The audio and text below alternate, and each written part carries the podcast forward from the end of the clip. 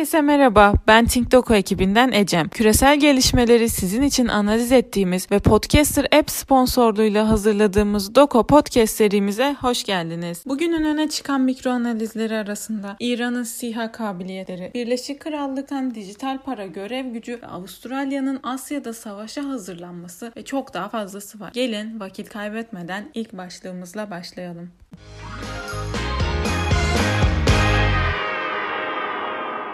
İran'ın bir tatbikat için farklı model ve boyutlardaki 156 SİHA'yı ülkenin kuzeyindeki izole bir havalimanına getirdiği aktarıldı. İran'ın SİHA kabiliyetleri hakkında böbürlenmelerinin diğer birçok meselenin aksine gerçeği yansıttığı anlaşıldı. İran yapımı SİHA'ların Suriye, Sudan, Yemen, Venezuela ve Irak gibi ülkelerde kullanıldığı biliniyordu. Bununla birlikte bu SİHA'lar henüz herhangi bir ciddi hava savunmasına karşı test edilmediği gibi düzenli ordu arasında bir çatışmada da kullanıldı kullanılmadı. Türkiye'nin Bayraktar TB2 ve Anka-S gibi SİHA'larla uluslararası alanda ses getirmesinin ardından bu teknoloji doğrudan muhatap olan İran ve Rusya'nın da kendi çalışmalarını gün yüzüne çıkarmaya gayret ettiği göze çarpmıştı. Bununla birlikte somut olayda İran'a dair bilginin resmi kanallardan gelmediği fakat kanıtlanmış olduğunu da eklemeliyiz. Türk SİHA endüstrisinin son kullanıcı belgelerini bahane ederek baltalanmaya çalışıldığı şu günlerde İran'ın hangi tedarik zincirini kullanarak böyle geniş bir filo oluşturduysa merak konusu. Bunlarla birlikte İran sihalarının çatışma alanlarında daha çok görülmesi, sihalar üzerinden Türkiye ile İran-Rusya arasında bir medya savaşının başlaması ve yükselecek politik risk beklentiler arasında. Müzik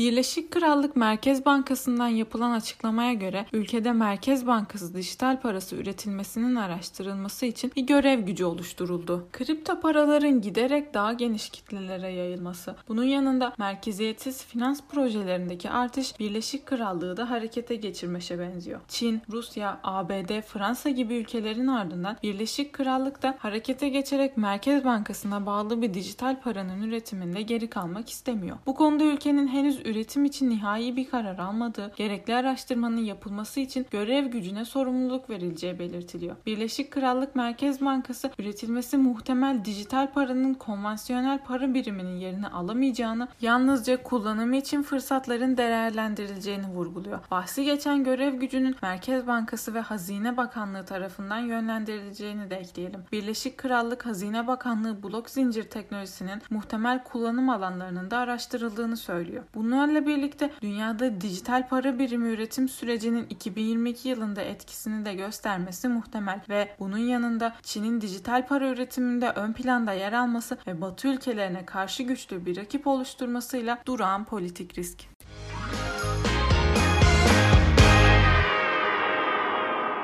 AB yetkilileri Rusya'nın Doğu Ukrayna sınırında ve işgal altındaki Kırım'daki askeri varlığını rekor seviyeye ulaştırdığını söyledi. Bu önemli çünkü Rusya Ukrayna çatışması ihtimalinin gündemdeki ağırlığını artırdı ve Doğu Ukrayna'da ayrılıkçı teröristlerle Ukrayna ordusu arasındaki çatışmanın da tekrar vites attığı günlerde AB'nin pasif bir tavırla gelişmeleri izlemesi dikkat çekiyor. Nord Stream 2 ve AB-Çin ticaret anlaşması gibi projelere yönelik temayülü bilinen Almanya'nın Rusya ile yüksek yüksek gerginlikten kaçınmak suretiyle durumu idare etmeye çalıştığı söylenebilir. Bununla birlikte Birleşik Krallık ve ABD'nin nispeten daha sert tutumu Almanya öncülüğündeki Avrupa'yı Atlantik'in sert tavrına mecbur bırakıyor. Bu anlamda AB-Rusya arasındaki gerginliğin artması, Rusya-Ukrayna çatışma ihtimalinin yükselmesi, Avrupa üzerindeki artan Atlantik nüfuzu ve yükselecek bir politik risk beklentiler arasında.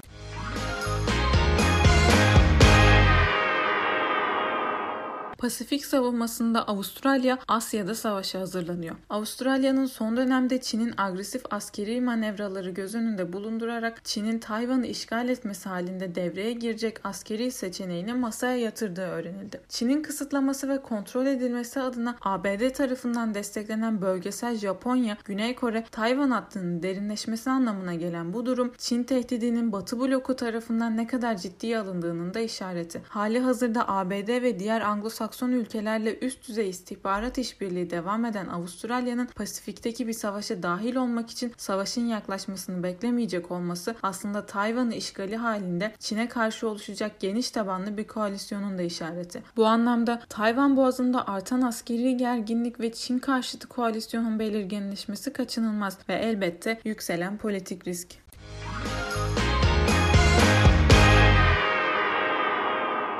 Dezenformasyon başlığında Suudi ve BAE troll fabrikaları var. Suudi Arabistan ve BAE tarafından finanse edilen ve kontrol edilen troll fabrikalarının bölgede ifade özgürlüğüne yönelik bir tehdit oluşturduğu ve Goebbels'ın propaganda makinesine eş bir güce ulaştığı ifade edildi. Körfez normalleşmesine rağmen Suudi Arabistan ve BAE'nin propaganda makinelerini beslemeye devam etmesi ve rakipleri üzerinde daima bir kılıç gibi sallandırmaları tarafların normalleşmeye mecbur kaldıklarının emaresi olarak karşımıza çıkıyor çıkıyor. Bu durum bilhassa Suudi Arabistan özelinde iç siyasete yönelik bir kontrolün gerçekleşmesini sağlarken bir yandan da bölgedeki aykırı seslerin bastırılması suretiyle bir çeşit ön kontrol gerçekleşmesinin önünü açıyor. Bu anlamda Körfez normalleşmesinin kalıcı olmaması ve Suudi Bae troll fabrikalarının uzun vadede ters tepmesi muhtemel. Aynı zamanda Suudi Bae veliaht prensleri Muhammed bin Selman ve Muhammed bin Zayed'e yönelik artan tepkiyle yükselen politik risk.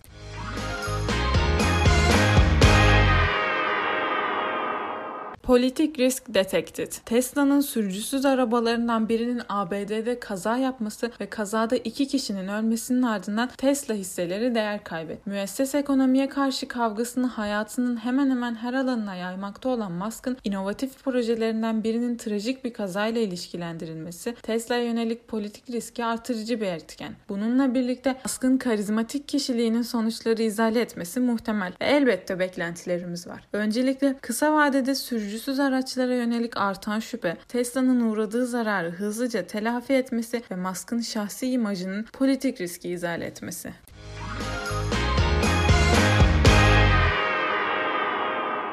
Libya ekonomisinde Libya Merkez Bankası krizi aşmaya çalışıyor. Merkez Bankası'nın ülkedeki krizi aşmak ve likidite sıkıntısını sona erdirmek için faal ticari bankalara 5 milyar Libya dinarı kredi verdiği duyuruldu. Libya'da bir ölçüde mutabakatın sağlanmasının ve taraflar arası gerginliğin donmasının ardından uzlaşıyla oluşturulan yeni hükümetin hızlı bir şekilde ülkenin sorunları aşmaya çalıştığı gözlemleniyor. Suikastların ve suikast girişimlerinin devam ettiği Libya'da yeni hükümetin kararlı tutumu Libya Libya'nın geleceğine pozitif etki edebilir ve bunlarla birlikte Libya'da yeni hükümete yönelik güven artarken politik risk düşebilir.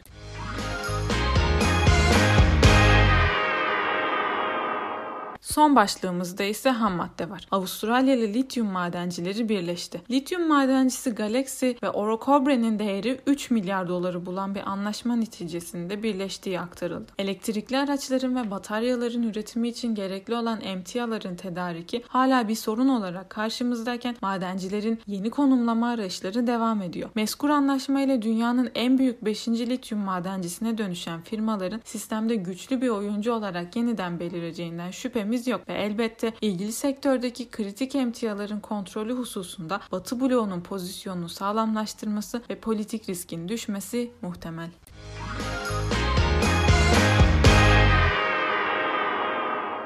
Bugünlük bültenimizin sonuna geldik. Beni dinlediğiniz için teşekkür ederim. Umarım siz de dinlerken benim kadar keyif almışsınızdır. Dünyayı anlamlandırmak için bültenlerimizi takip etmeyi unutmayın. Bir sonraki podcast'imizde görüşmek dileğiyle. Hoşçakalın.